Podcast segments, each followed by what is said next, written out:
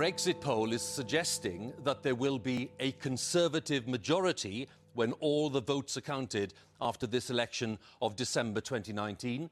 A big victory for Boris Johnson. Land of Hope and Glory. Eğer merak ediyorsanız arkadaşlar müzik parçasının ne olduğunu, ismi buydu. Britanya seçimleri ve Brexit üzerinden Batı dünyasında sağcının birbiri ardına kazandığı zaferlere, politik trendlere ve kültür savaşlarına sizleri sıkmadan ve sadece şöyle bir değinmeyi düşündüğüm The Politik Podcast'ın ilk bölümünün tema müziği. Winston Churchill'in en sevdiği şarkılardan ve Britanya'nın Safiye ailesi Clara Butt'ın sesinden dinliyoruz.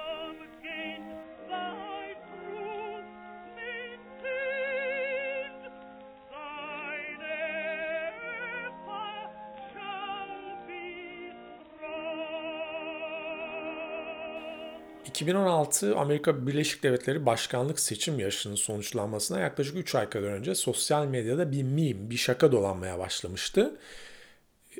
Ee, özellikle Amerikalı e, sosyal medya kullanıcıları İngiltere Kraliçesi'ne adeta yalvarıyorlardı ve diyorlardı ki kraliçem Amerika'yı tekrar Britanya yap da biz de şu Trump'tan kurtulalım. E, bunun için de işte e, Donald Trump'ın o ünlü seçim sloganı Make America Great Again'i alıp Make America Great Britain Again'e çevirmişlerdi. E, bu insanların istediği olmadı. Bütün tahminlerin ve iddiaların aksine e, Donald Trump başkan oldu. Yani benim gördüğüm kadarıyla 2020'deki seçimlerde de ciddi bir rakibi yok ve bir 4 sene daha e, biz bu altın saçlı adamla beraberiz. E, şimdi geldiğimiz yerde bakıyoruz hani e, Dimyat'a pirince gidilirken evdeki bulgurdan da olunmuş gibi. Çünkü Amerika kurtarılacaktı ama İngiltere de elden gitti. Okyanusun iki tarafındaki Anglo-Sakson dünyasında iki tane Trump var şimdi iktidarda. Titanic'in okyanusun dibini boylaması hiç kuşkusuz üzerindeki yolcuları ve geride bıraktıkları yakınları için hatta bütün insanlık için büyük bir trajediydi. Ama eğer siz insan değil de e, Titanic'in mutfağında birinci mevkide servis edilmek üzere hazır tutulan bir istiridye yediyseniz başınıza gelebilecek en güzel şeydi. Sizlere insanlarla beraber istiridyelerin de versiyonunu aktarmayı planladım. Bunu, bunu yapacağız e, ileriki dakikalarda. Fakat oraya gelmeden önce bir de küçük bir pasajla böyle bir giriş çıkış yapmamız gerekiyor. Türkiye Cumhuriyeti vatandaşı olarak bu durum bizi nasıl etkiliyor? Yani yükselen popülizm, Trump, Brexit sadece bunlar değil. Visegrad ülkeleri, Polonya, Macaristan'da Viktor Orban, e, İtalya'da Salvini, İsveç'te bile e, İsveç demokratları bunlar sürekli siyasi arenada güçlerini arttıran popülist hareketler. Batıdaki bu popülist hareketlerin ivme kazanması Türkiye'yi ilgilendiriyor. Türkleri ilgilendiriyor, ilgilendirmiyor değil. Hepimizi aynı derecede mi ilgilendiriyor? Değil, hepimizi aynı derecede ilgilendirmiyor. Sizlerin benden daha iyi bileceği gibi Türkiye'de belli başlı gruplar var. Bunlardan bir tanesi Avrasyacılar mesela. Yani onları bir tarafa bırakalım. Öbür tarafta İslamcı Osmanlıcı tayfa var. E bunlar da zaten Batı ile bir aldığımız verdiğimiz olsun istemiyorlar. Onları da öbür tarafa koyalım. E geriye kalıyor içine sizinle benim girdiğim yüzünü batıya dönmeye çalışan bir tayfa. İşte refahı, medeniyeti, demokrasiyi batıya dönmekte görüyoruz. Kimiz biz? Büyük ihtimalle Türkiye'nin ortalamasından daha yüksek bir gelir ve eğitim seviyemiz var. Yabancı dil biliyoruz çatpat. Belki yurt dışına çıktık birkaç defa. Üniversite mezunuyuz. Üniversitede okuyoruz veya hala. Bir önemli özelliğimiz, ortak özelliğimiz büyük şehirlerde yaşıyoruz. Belki annelerimiz, babalarımız e, büyük şehirlerde yaşamıyorlardı ama biz büyük şehirlerde doğduk ve büyük şehirlerde büyüdük. Büyük şehirlerde de yaşayacağız. Bunun üzerinde neden duruyorum? Ee, çünkü Brexit'e ve Trump'a, popülizme bozulan batılı grup ile Brexit'e, Trump'a ve popülizme bozulan Türkiye'li tayfa üst üste örtüşüyor. Cemalettin Taşçı'yı takip ediyor musunuz bilmiyorum. Politika Politik diye bir sitesi var. Aşağı yukarı her gün yazı yazar orada. Türkiye'ye ve dünyaya dair analizleri var her zaman vardığı sonuçlara ben de varmıyorum. Çok ayrı yerlere düşebiliyoruz ama Taşçı'nın gidiş yolunu hep böyle zihin açıcı ve çok değerli bulmuşumdur. Cemalettin Taşçı şöyle diyor bu konu üzerine. Türkiye ve dünyayı ayırmıyor birbirinden. Diyor ki bütün bu olan biten diyor kentlilerle köylülerin savaşı diyor. Ve bu savaşı kentliler kazanacak. Köylüler kaybedecek ama zafere giden yolda başımız biraz ağrıyacak. Yani şu anda Taşçı'nın bu başımız ağrıyacak dediği evredeyiz herhalde ki e, köylüler bu savaşı kazanıyor görünüyorlar. Taşçı'nın bu analizi batıda yapılan e, analizlerin üzerine yeni bir şey koymuyor. Bize yeni bir şey söylemiyor. Haklı olması için bunu yapmasına da gerek yok. Bu haliyle de yeterli. Evet Türkiye'deki e, mücadele köylülerle kentliler arasında. Batıdaki mücadele de popülistlerle global, globalistler arasında. Bu doğru. E, bu savaşta siz kendinizi kentli ve eğitimli olarak görüyorsanız, yüzünüzü batıya döndüyseniz, Türk olarak dahi yüzünüzü batıya döndüyseniz alacağınız pozisyon belli. Fazla bir seçim şansınız yok. Doğal pozisyonunuz belli. Ha bir kere siz bu pozisyonu aldıktan sonra bu sefer e, karşınıza koyduğunuz rakibinize bir e, pozisyon belirliyorsunuz. E, burada tabii e, köylü ve popülist diyoruz bu insanlara ama bu her zaman yetmiyor bize. Bunun altını böyle doldurmak, pekiştirmek zorundayız. O yüzden böyle küçük küçük başlıklara da böldük bunu. İşte ırkçı, nazi, e, ulusalcı, milliyetçi. Dikkat ederseniz artık bunların arasında bir nüans kalmadı Batı dünyasında. Türkiye'de de öyle. E, homofobik, e, kadın düşmanı, Greta düşmanı, çevre düşmanı. Yani biz bunlar değiliz ama karşımızdaki rakibimiz tamamen bunlar.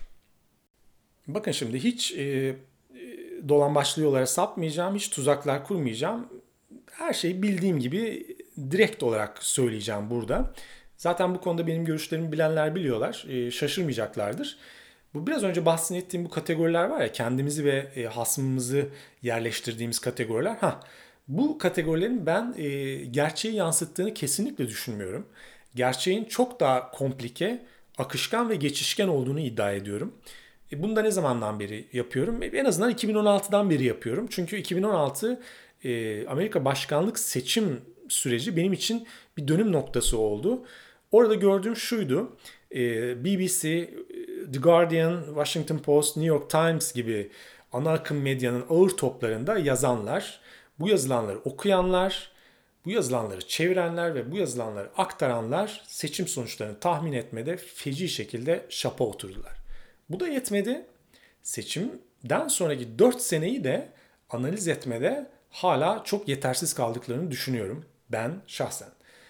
Bu yüzden naçizane e, tavsiyem e, insanlara dünyada gündemi takip etmek isteyen insanlara bir kere İngilizce öğrenin mutlaka ve insanların söylediklerini ağızlarından ve bir bütünü bütünün parçalarını oluşturacak şekilde takip etmeye çalışın. Şimdi isterseniz size verdiğim bu tavsiyeyi beraber uygulayalım. Ee, ve e, seçimlerden bir gün öncesine dönelim. Boris Johnson'ı kendi sesinden dinleyelim. E, bu ses kaydında Boris Johnson etrafında partileri toplamış ve onları gaza getirmeye çalışıyor. Çünkü seçime bir gün kalmış. E, burada Boris Johnson'ın ne söylediğini anlamanızın hiçbir önemi yok. Yani İngilizceyi takip edemiyorum, ben söylediğini anlamam, herif zaten hızlı konuşuyor falan filan demenize gerek yok. Çünkü size göstermek istediğim, dinletmek istediğim şey Boris Johnson'ın söyledikleri değil. Ee, size dinletmek istediğim Boris Johnson'ın e, ses tonu. Etrafındaki samimi kalabalıkla nasıl iletiştiği, onlarla nasıl paslaştığı. Eğer bu dünyada böyle bir 25-30 seneniz geçtiyse bir insanın hitabetinden, etrafındaki insanlarla diyaloğundan nasıl bir insan olduğunu çıkarabilirsiniz. Ve bu da belki Boris Johnson hakkında okuyacağınız 10 e, gazete yazısına bedeldir. Dinleyelim o yüzden. Are, are you pumped up? Are you energized and motivated? Well, we're to, I, mean, I, I, sincere, I sincerely hope so. I sincerely hope so, everybody. And tomorrow, the choice for our amazing country could not be starker. Indeed, I can't remember an election in my political lifetime when there has been such a yawning chasm between the two possible futures for this country. We can choose to go forward with a one nation conservative government, end the deadlock, lift the clouds, launch ourselves towards a brighter future for the whole country, or else we can remain stuck in neutral, paralyzed, lost in years more of deadlock, defeatism, division, and despair caused by, you know what it is? It's a hung parliament, another hung parliament. That's, that's what we could face on Friday. Jeremy Corbyn. He would refuse to do something that this country has yearned for us to get on and do for the last three and a half years. He would refuse to do something that we can do. What is it that we're going to do? We're going to get Brexit done. We're going to get Brexit done. He'd have another referendum on the EU. That's what he would do. And uh, I don't know what you feel, but I think whether you voted leave or remain, I think it's time for this country to come together and move on and honour the will of the people of this country. Esaslı bir adam ha. Tabii ben böyle olduğunu düşünüyorum ve saklamayacağım. Boris Johnson'ı beğeniyorum. E, fakat herkesin beğenmediğini de görüyorum. Özellikle gençler benimle hiç hemfikir değiller. E, bu sonuca son derece üzüldüler. İşte deniyor ki yaşlar bizim geleceğimizi çaldı. Biz Avrupa Birliği'nde kalmak istiyorduk. Ama bu sonuçla Avrupa Birliği'nden çıkmak zorunda kalacağız ve bu yaşlıların suçu. Yaşlılık kötüdür, gençlik iyidir. Şimdi bir de o zaman o gençleri dinleyelim bakalım ne diyorlar. Çünkü dinlememiz gerekiyor. Fuck Boris. Fuck Boris. Yeah. Fuck racism. Fuck homophobia. Fuck all you pigs. Fuck all the money in the offshore accounts. We want to save our NHS. It's important. We need it. You're not our Prime Minister. He is a pig, and I'm so ashamed that he's the Prime Minister of my country. It's disgusting, and I wish him the worst. I wish him a horrible death. I don't know if you're allowed to put that online, but he's fucking everything up for people my age, our future. I plan to work in the NHS. I plan to be a doctor. I plan to actually care about people. And he doesn't care. And to see working class people caring about Boris Johnson, they're shooting themselves in the face. It's disgusting. And yeah, I wish him the worst. Go fuck yourself, Boris Johnson. Honestly, what a cunt. Sorry. Ya, ya bu o kadar mükemmel bir parça ki bunun e, küçük bir tercümesini 3 aşağı 5 yukarı yapmak gerekiyor. Şimdi burada bir kız var e, en sonda konuşan. Sağlık sektöründe e, çalışmak istiyormuş. İnsanların iyiliği için çalışmak istiyormuş. Boris Johnson o kadar kızgın ki seçimi kazandığı için geber domuz diyor Boris Johnson'a. Acılar içerisinde ölürsün umarım falan diye de e, dileklerini böyle açıkça belirtiyor. E, enteresandı yani. My age, our future. Burada tabii gülüyoruz ama son zamanlarda belirgin bir şekilde karşımıza çıkan e, bir trend, bir trendden de bahsetmek gerekiyor. Nedir o? Dikkatinizi çekmiştir. Sol görüşlerin, iklim aktivistlerinin ve Avrupa Birliği sevdalarının önemli bir ortak noktası var. Bir şekilde bunlar 20 yaşındaki insanların 40 yaşındaki insanlardan daha doğru analiz yapabileceklerini, daha doğru tercihlere yönelebileceklerini düşünüyorlar. Yani inanılmaz. Hele 16 yaşındaysanız bütün dünyayı sizin yönetmeniz gerekiyor. Yani niye böyle düşünüyorlar? Batı niye böyle düşünüyor? Fikir yürütmeye çalışıyorum.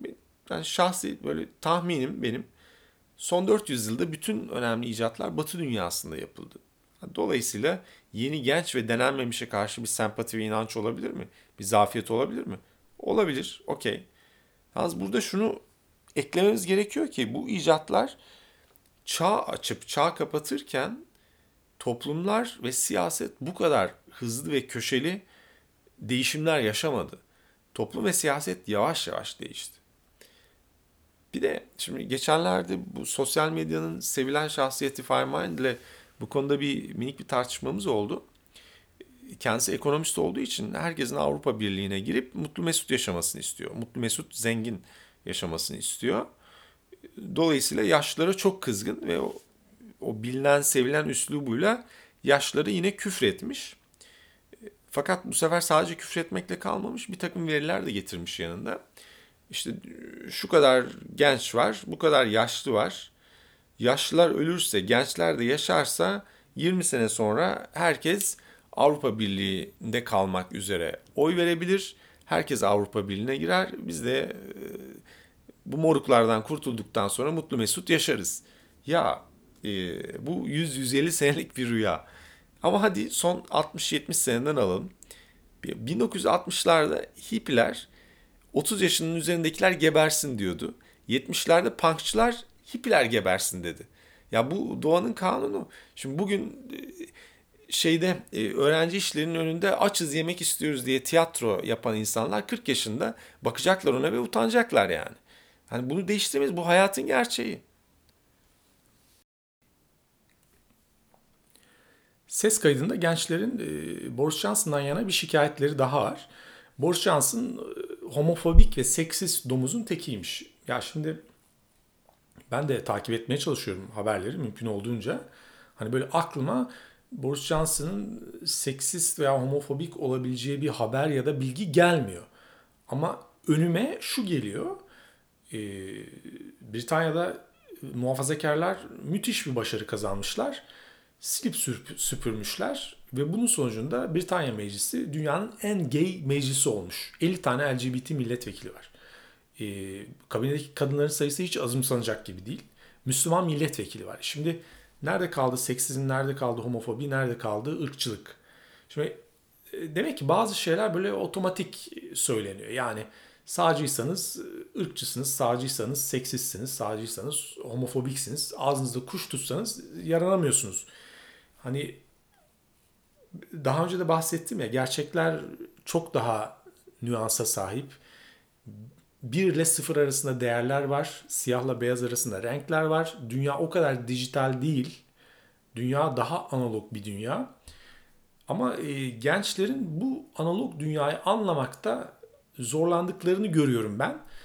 Hani eğer böyle olacaksa o zaman seçme ve seçilme yaşını 35'e çıkaralım.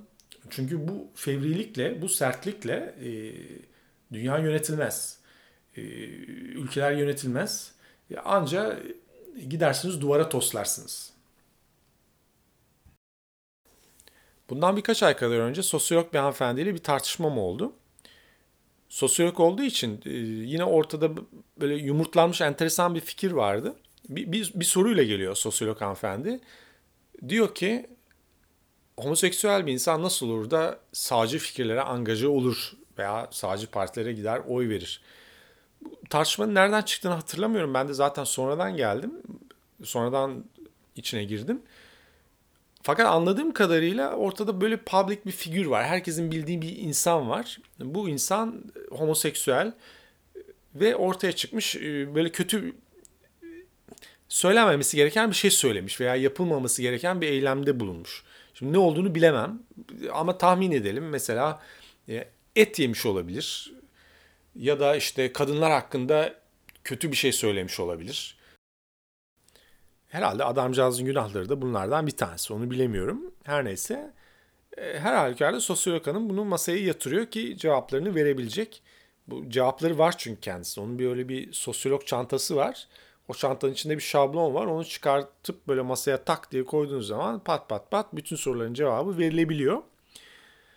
Aldığımız cevap şu. İçinde yaşadığımız toplum e, patriarkal, kapitalist, seksist, ırkçı, heteronormatif. Biz bunların içinde boğuluyoruz. Homoseksüeller de bundan azade değil. Onlar da tıpkı kadınlar, göçmenler ve translar gibi belli bir yere kadar kendi akıllarıyla gidebiliyorlar.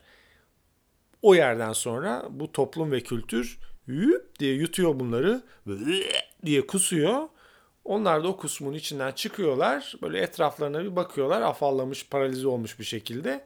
Zart diye gidip sağcı bir söylemde, eylemde bulunup ya da gidiyorlar sağcı partilere oy veriyorlar.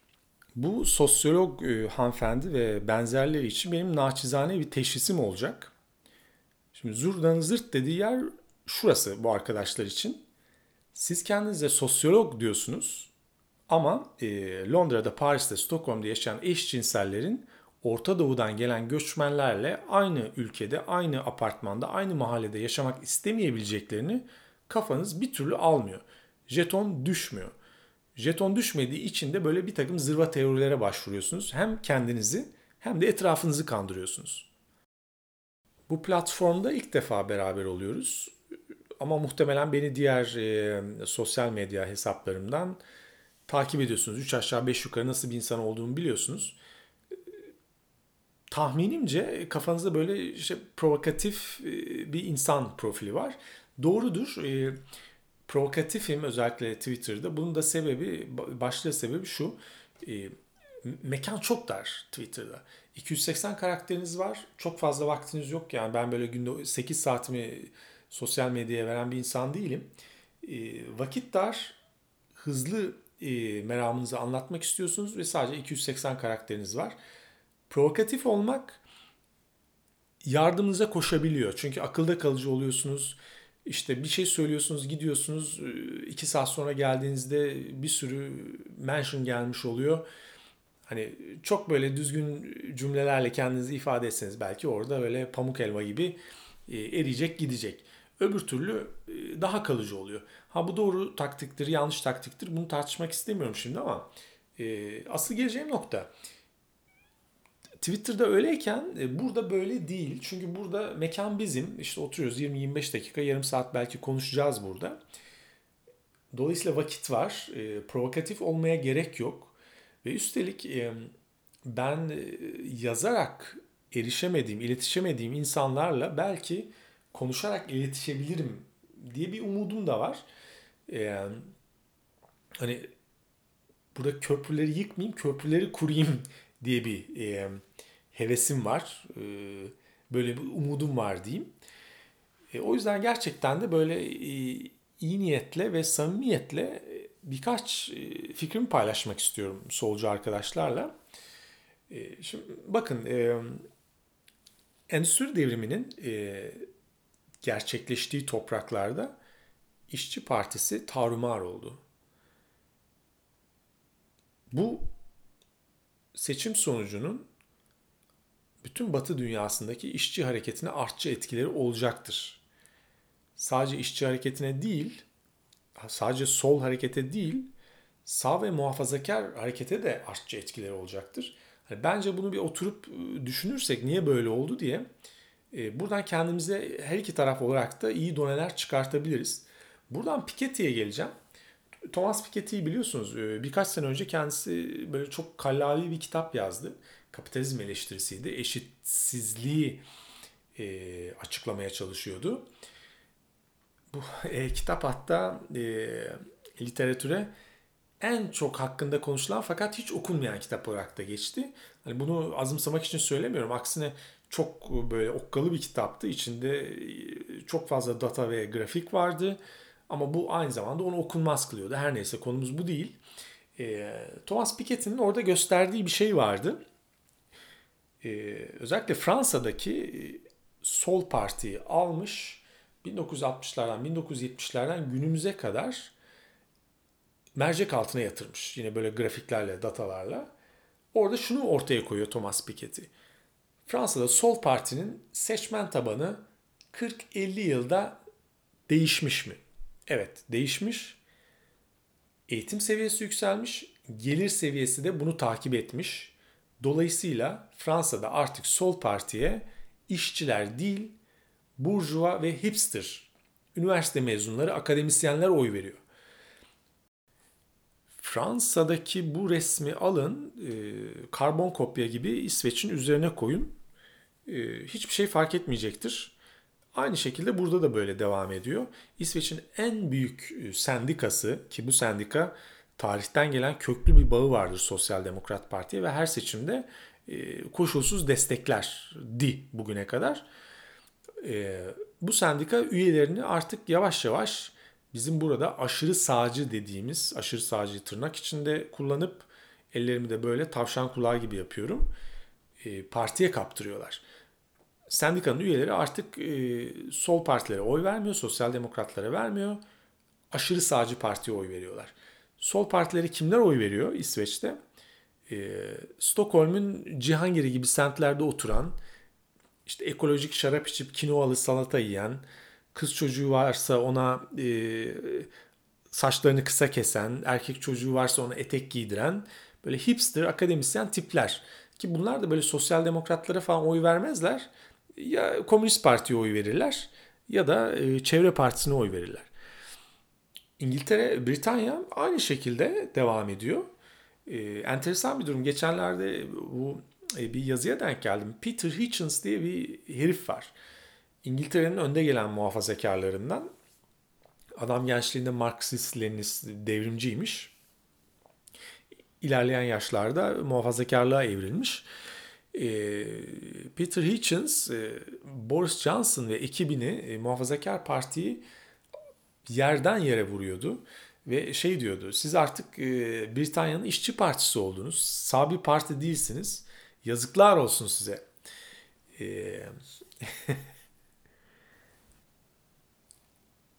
Evet, buraya kadar usanmadan ve sıkılmadan beni dinleyebildiyseniz benim de size bir sürprizim olacak, bir hediyem olacak daha doğrusu. Herkesin yıllardır peşinde olduğu bir bilgiyi size ücretsiz olarak hap gibi vereceğim. Bunu çok kolay anlayacaksınız. Hiç bir yere not etmenize bile gerek olmayacak. Alacaksınız benden ve gideceksiniz rakı sofralarında arkadaşlarınıza veya sevgilinize e, satacaksınız karşınızdaki insan aptalsa bile şıp diye anlayacak. Zeki ise de vay efendim ben bunu nasıl oldu da daha önce düşünemedim diye hayıflanacak. Ee, büyük sükse yapacaksınız. Cevabını vereceğim soru şu. Popülizmin önüne nasıl geçeriz? Nasıl seçim kazanırız? Evet, popülizmin önüne nasıl geçiyoruz? Nasıl seçim kazanıyoruz? Çok basit iki tane yapmamız gereken şey var. Bunların ikisini beraber bir arada yapmamız gerekiyor. Birini yaptık öbürünü yapamadık. O öyle bir şey olmaz. İkisini beraber yapmamız gerekiyor. Şu. Bir. Ekonomik politikalarda sola kayacaksınız. İki. Sosyal politikalarda sağa kayacaksınız. Bu kadar. Evet reçete bu. Yalnız bu reçete herkesin uygulayabileceği bir reçete değil özellikle sol partilerin uygulayabileceği bir reçete hiç değil. Popülizm kilidini çözen anahtar sağ partilerin elinde. Bunun neden böyle olduğunu da kısaca açıklamamız gerekiyor. Konumuza dahil çünkü. Şimdi bir kere e, sol bir partinin veya siyasetçinin sosyal politikalarda sağ çark etmesine imkan yok. Yani orada size bir hareket alanı yok. Çünkü e, kendinizi seçmen tabanı olarak seçtiğiniz kitlenin önemli bir kısmı kuduz aktivistlerden oluşuyor. Ya şimdi e, bana kızacaksınız, abartıyorsun diyeceksiniz ama al işte 2020 e, seçimleri kapıda. İzleyin e, Amerika'da Demokrat Parti'nin adaylarını. Yani varsa yoksa muhabbetler işte ben 1 bölü 18 Kızılderiliyim sen 2 bölü 74 siyahsın senin kanın öyle benim kanım böyle trans aktivizm 36 tane gender pronoun olabilir mi? Ya başka bir konu yok. Yani senin de burada bir manevra alanın yok. Yaptırmazlar sana. Ha bunun yanında eskiden e, solun bildiğimiz böyle e, ekonomi politikaları vardı. Bizim bildiğimiz, alıştığımız. Yani şimdi mesela onu da kaybettiler. Bakın burada e, bunu bunu örnekleyeyim enteresan bir anekdotla. Şimdi Amerika'da The Young Turks diye bir medya kuruluşu var. Bu işte Türkiye'den göçen Cenk Uygur isminde bir herif e, kurdu bunu. E, The Young Turks e, aşırı solcu bir medya kuruluşu. Amerika standartlarında aşırı solcu bir medya kuruluşu. The Young Turks'tan Cenk Uygur'la Fox News'tan Tucker Carlson bir konuşmada karşı karşıya geliyorlar. Bu Tucker Carlson da yani adı üzerinde işte Fox News'ta programı var. Çok lafbaz bir heriftir. Ben, ben çok severim adamı. Tipik bir Amerikan sağcısı. E, libertarian diye söylüyor kendini ama son yıllarda oradan çark ettiğini falan da görüyoruz biraz. Yani düz Amerikan sağcısı diyelim. Öyle olsun. Şimdi bunlar karşılıklı konuşuyorlar. Konu e, iş piyasası, illegal göç. Şimdi ortada bir örnek var. Texas'ta bir tavuk e, fabrikası varmış. Tavuğu yoluyorlar mı, paketliyorlar mı ne? E, göç polisi buraya bir baskın yapıyor ve bir sürü kaçak işçi buluyor. Bu işçileri e, sepete koyuyorlar, geri gönderiyorlar. Ondan sonra bu tavuk paketleme fabrikası bir daha doğru düzgün işçi bulamıyor. İşte 3 gün, 5 gün, bir ay neyse bulamıyor yani. Çünkü Amerikalılar o işte çalışmak istemiyorlar. Şimdi Cenk Uygur diyor ki ya diyor sınırları açalım diyor. Fakir insanlar gelsin bu fabrikalarda çalışsın. Fabrikada para kazansın, ülke ekonomisine katkısı olsun. Hem de bu insanlar gelsin fakirlikten kurtulsun. Şimdi Cenk Uygur'un bir solcu olarak Tucker Carlson'a, sağcı Tucker Carlson'a sürdüğü, öne sürdüğü argüman bu. Tucker Carlson da diyor ki ya diyor mesele e, tavuk fabrikasının, tavuk paketleme fabrikasının işçi bulamaması değil ki diyor. İşçi bulur. Ama 3 kuruşa çalıştıracağına 13 kuruş verecek. Amerikan işçisi çalışacak o zaman. Amerikan Amerikalı işçi 3 kuruşa çalışmaz. Ama 13 verirsen çalışır. Ama tabii sınırları açarsan, içeriği ucuz ve fakir insanlarla doldurursan ne iş yeri 13 kuruş verir ne de Amerikalı 3 kuruşa çalışır. Vallahi ben sağcıyım. Bu bana bile yanlış geliyor ama solcu Cenk Uygur çıkıyor bunu savunuyor. Hayret yani. E, bu reçeteyi Britanya'da Tories uyguladı. Ne oldu? Şu anda Toryes'in daha sağında hiçbir parti yok. Oysa bundan 3-5 sene önce herkes UKIP'i konuşuyordu. UKIP aşağı UKIP yukarı faşizm İngiltere'ye geliyordu. Brexit oylanmıştı. E, göçmenlere metrolarda ve otobüslerde saldırılar yapılıyordu. Fake news'du tabii bunların hepsi. Büyük bir kısmı. Şimdi bugün bakıyoruz UKIP yok bugün. Ama Nigel Farage var. E, ondan da bahsetmek istiyorum podcast'ın sonunda. Şimdi değil podcast'ın sonunda. Çünkü 27 senelik bir aktivizm var orada. Ve adam işte aktivizm böyle olur. Bu 27 senelik aktivizminin meyvesini aldı. Dün de Avrupa Parlamentosu'ndaydı. Çok böyle fiyakalı bir bitiriş yaptı. E, buna dair küçük bir alıntı yapmak istiyorum sonda. Şimdi bu konuyu da şöyle yuvarlayayım ve bitireyim. Evet, e, sosyal politikalarda sağ, ekonomi politikalarında da sola çark edeceksiniz. Bunu da ancak sağ politikacılar ve sağ partiler yapabilir. Solcular için geçmiş olsun daha çok seçim kaybedecekler. Keşke bu durumu nasıl düzeltebileceklerini bilsek de söylesek bu maç daha heyecanlı bir hale gelse. Bundan e, aslında Batı dünyası daha böyle dengeli gidiyordu. İşte 4 sene merkez sağ götürüyordu. Sonra 4 sene merkez sol alıyordu falan. Ee, hani bu Erman Toroğlu'nun dediği gibi herkes bir puana oynuyordu. Kimse galibiyeti oynamıyordu. Ee, sabaha kadar böyle bir bire sıfır sıfıra e, razı idiler. Ama işte önce Orange Man geldi. Arkasından Domuz geldi. E, planlar bozuldu. Planlar bozuldu der.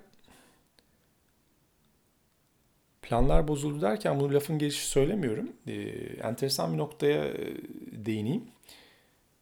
Şimdi tabii bu podcast'ın bu bölümü süresince sık sık 2016'ya döndük. E, Donald Trump'ın seçilişine döndük. Onu bir milat olarak aldık diyelim. Tabii biz e, çok fazla böyle bilgili insanlar değiliz. Eli cebinde gezen insanlarız bizden daha bilgili, e, konuya vakıf insanlar var. Bunlardan bir tanesi de Jason Brennan. E, Donald Trump 2016 8 Kasım'da seçildi. 2016 yaz aylarında, Haziran'dı galiba, Jason Brennan bir kitap çıkardı piyasaya. Siyaset felsefecisi Jason Brennan bir kitap çıkardı piyasaya. Kitabın adı, Against Democracy idi. Ee, yine enteresandır. Bu kitap e, İsveç'teki liberal düşünce kuruluşu Timbro tarafından After Democracy, e, demokrasiden sonrası diyerek çevrildi. Yani bu isim tercihlerine dikkatinizi çekiyorum.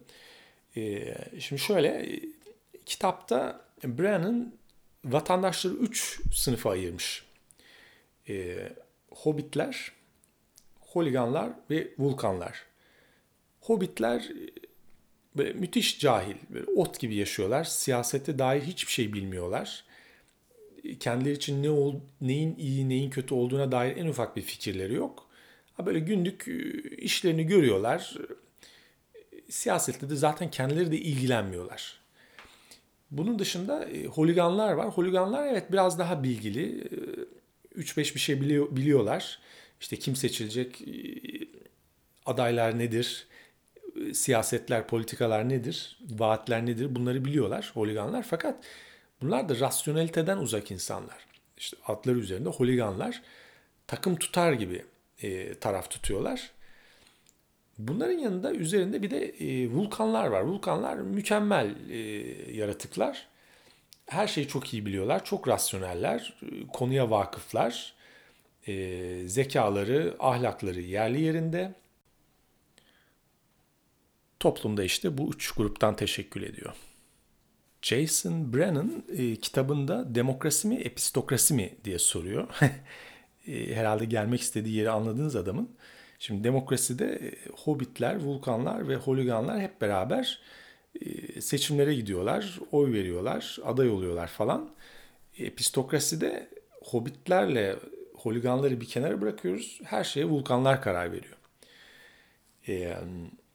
Biz tabii Lay Lay Lon diye gezerken, her şey 2016'da başladı diye gezerken adam 2015'te, 2014'te başlamış olsa bu kitabı yazmaya bir takım şeyler uyanmış. Demek ki halkın nelere, kimlere oy verebileceğini anlamış. Bir kamuoyu oluşturmaya çalışıyor. Şimdi tabii böyle çok nazik anlatıyorum ya da bunun başka bir anlatış şekli de şu hani o da böyle çok AKP'li ağzı olacak. Diyeceğiz ki darbe yapmaya kalkmışlar. Onu da demek istemiyorum.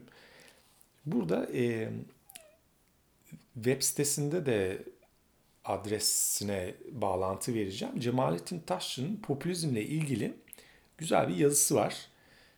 E, depolitik.com'a gidip e, sağ üst köşedeki menüden podcast'ı seçerseniz ilk episodda tıkladığınız zaman aşağıda bu bölümde bahsettiğim konulara dair bağlantıları bulabilirsiniz. Bunların içinde Cemalettin Taşçı'nın yazısı da olacak. Fakat ben bu yazıdan e, bir iki pasajı buraya aktaracağım yine de. Şimdi Cemalettin Taşçı şöyle diyor. Toplum dediğiniz şey özne ise popülizm vardır. Nesneleştirilmişse ki tarih şahit pekala nesneleştirilebilir, popülizm yoktur. Nesneleştirilmiş bir toplumun yapıp ettikleri topluma mal edilemez. Günümüzdeki Türkiye toplumu gibi toplumların yani. Kiminle evleneceğine ebeveynleri tarafından karar verilmiş bir gencin evliliği becerip becerememesinin faturası kendisine kesilemez. Hayatı becerip becerememesinin faturası da.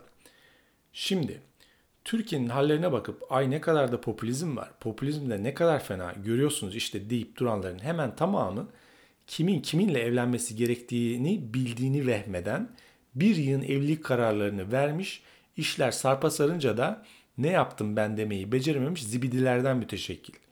Toplum denen organizmanın nasıl işlediğini, işliyor olduğunu anlamaya üşenmiş, hala üşeniyor mekteplerde okuduğu birkaç dersle dünyaya nizam verme hakkını ele geçirdiğine inanan zibidilerden. Ortaya çıkan rezilliğin kendi eserleri olduğu belli olmasın diye kedi pisliğini örter gibi popülizm lafını pislik örtmek için istihdam eden zibidilerden. Türkiye'nin halleri katlanır gibi değil. Ama popülizm yüzünden değil bu. Popülizmin imkansızlaştırılması yüzünden. Türkiye'de toplum hiçbir vakit özne olmadı, olamadı. Kavga toplumu kimin nesneleştireceği etrafında dönüyor. Bunu da böyle bitirmek iyi oldu bence. E, konuyu yuvarladık. E, şimdi bu son bölümde Brexit'e dair birkaç e, tespitte bulunmak istiyorum ama bu aslında benim kendimden en emin olmadığım bölüm. Çünkü işin ekonomik tarafına dair pek bir bilgim yok. Şimdi ne söylesem kendimi çok aşmış olurum. Onun yerinde şundan bahsedeyim bence. Brexit neden Britanya'da gerçekleşti de Yunanistan'da Grexit, İsveç'te Svexit, Fransa'da Frexit olmadı? Neden Britanya? Bunun üç temel sebebi var diyor Roger Scruton.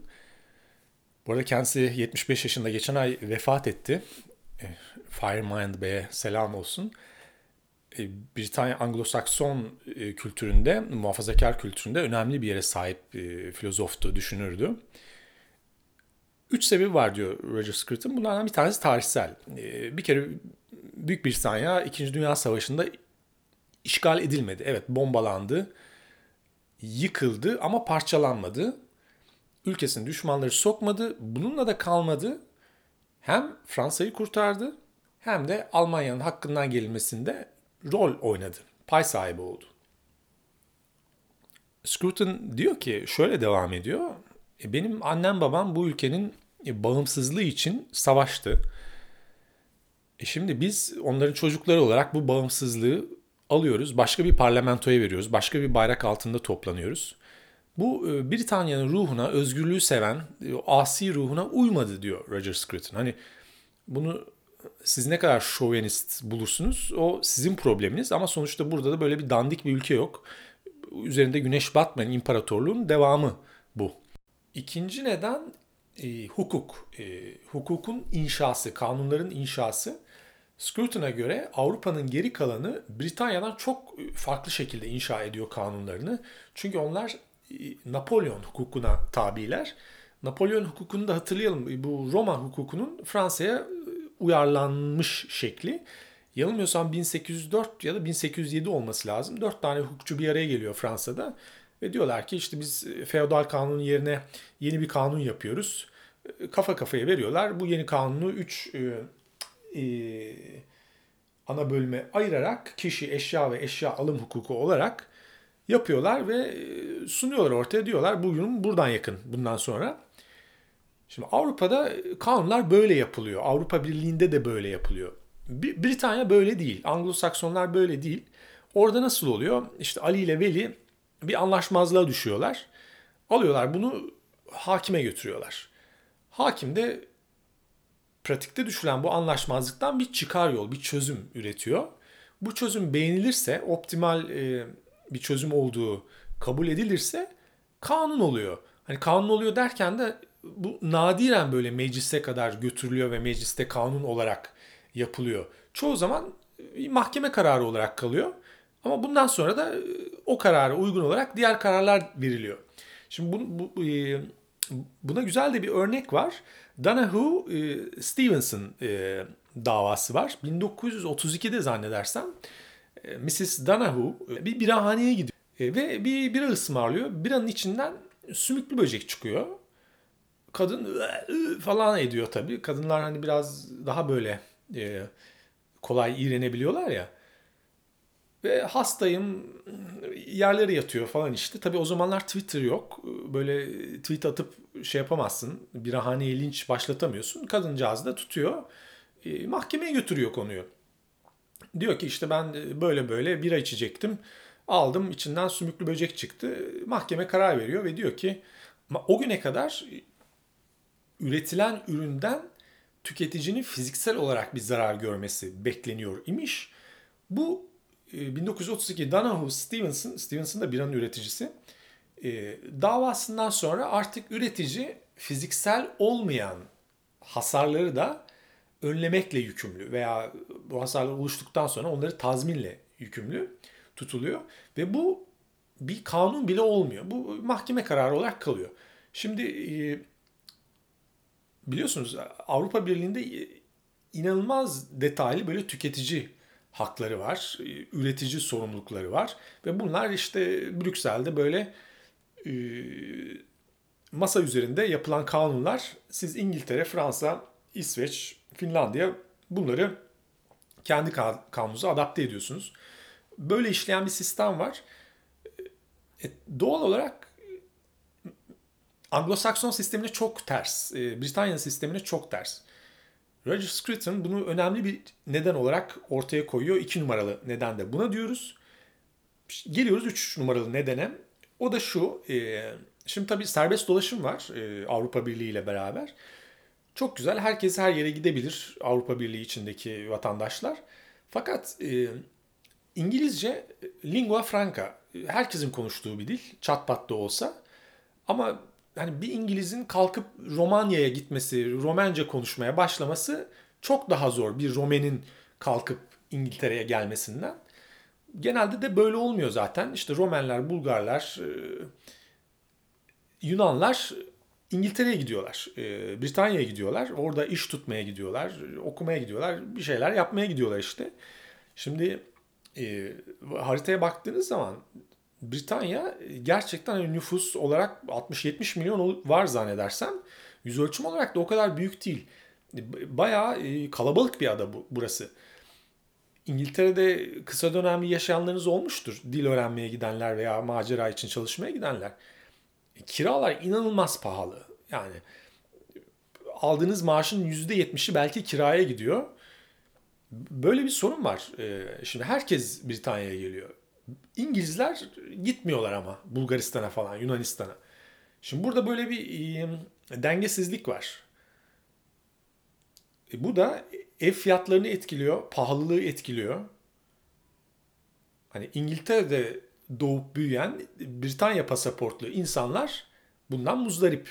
Yani bu bu sorun bir Bulgar'ın, bir Romen'in, bir Yunanlı'nın asla yaşamayacağı bir sorun. Ama İngilizler, Britanyalılar bunu yoğun olarak hissediyorlar.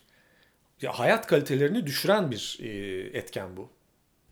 Bakalım bundan sonra ne olur? E, dün Avrupa Parlamentosu'nda oylandı. Brexit e, oylandı. Britanya'nın Avrupa Birliği'nden çıkışı oylandı.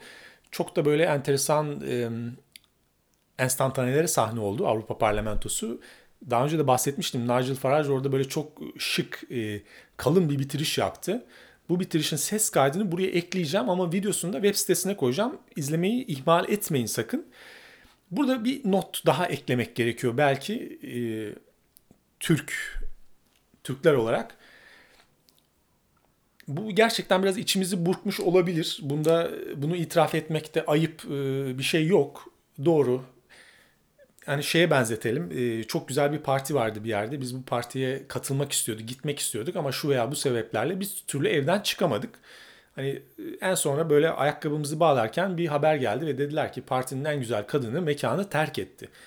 İçimiz burkuldu. Biz e, ben bir Türk olarak Avrupa Birliği'ne girmek isterdim ama bir İngiliz olsaydım da Avrupa Birliği'nden çıkmak isterdim. Sonuçta Britanyalıların da böyle Türkleri belirli standartlara ve demokrasiye kavuşturmak e, gibi bir e, görevleri yok. Kendilerini bunun için feda edemezler. E, her koyun kendi bacağından asılıyor. Her şeyin hayırlısı olsun diyelim.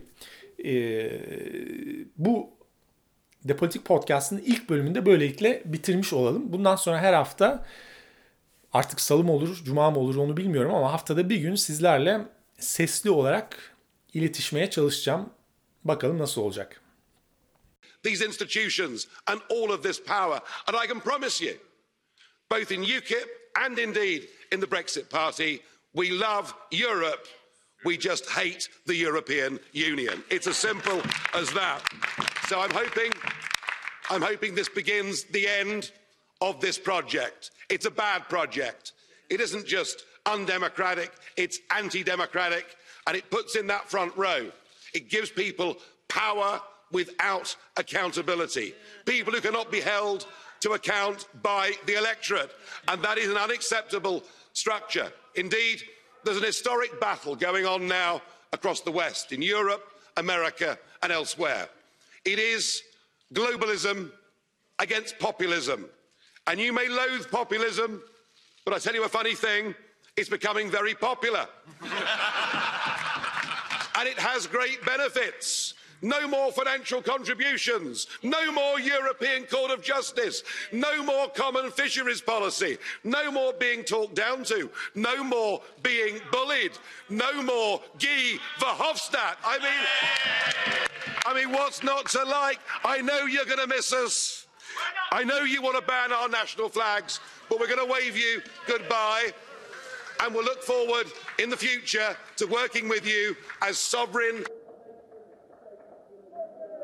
If you disobey the rules, you get cut off.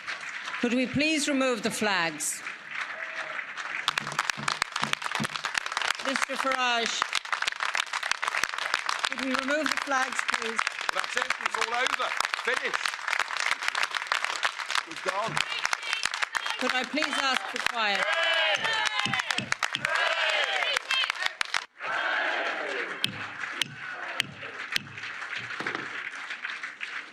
I'm really. Please sit down, resume your seats, put your flags away, you're leaving, and take them with you if you are leaving now. And goodbye.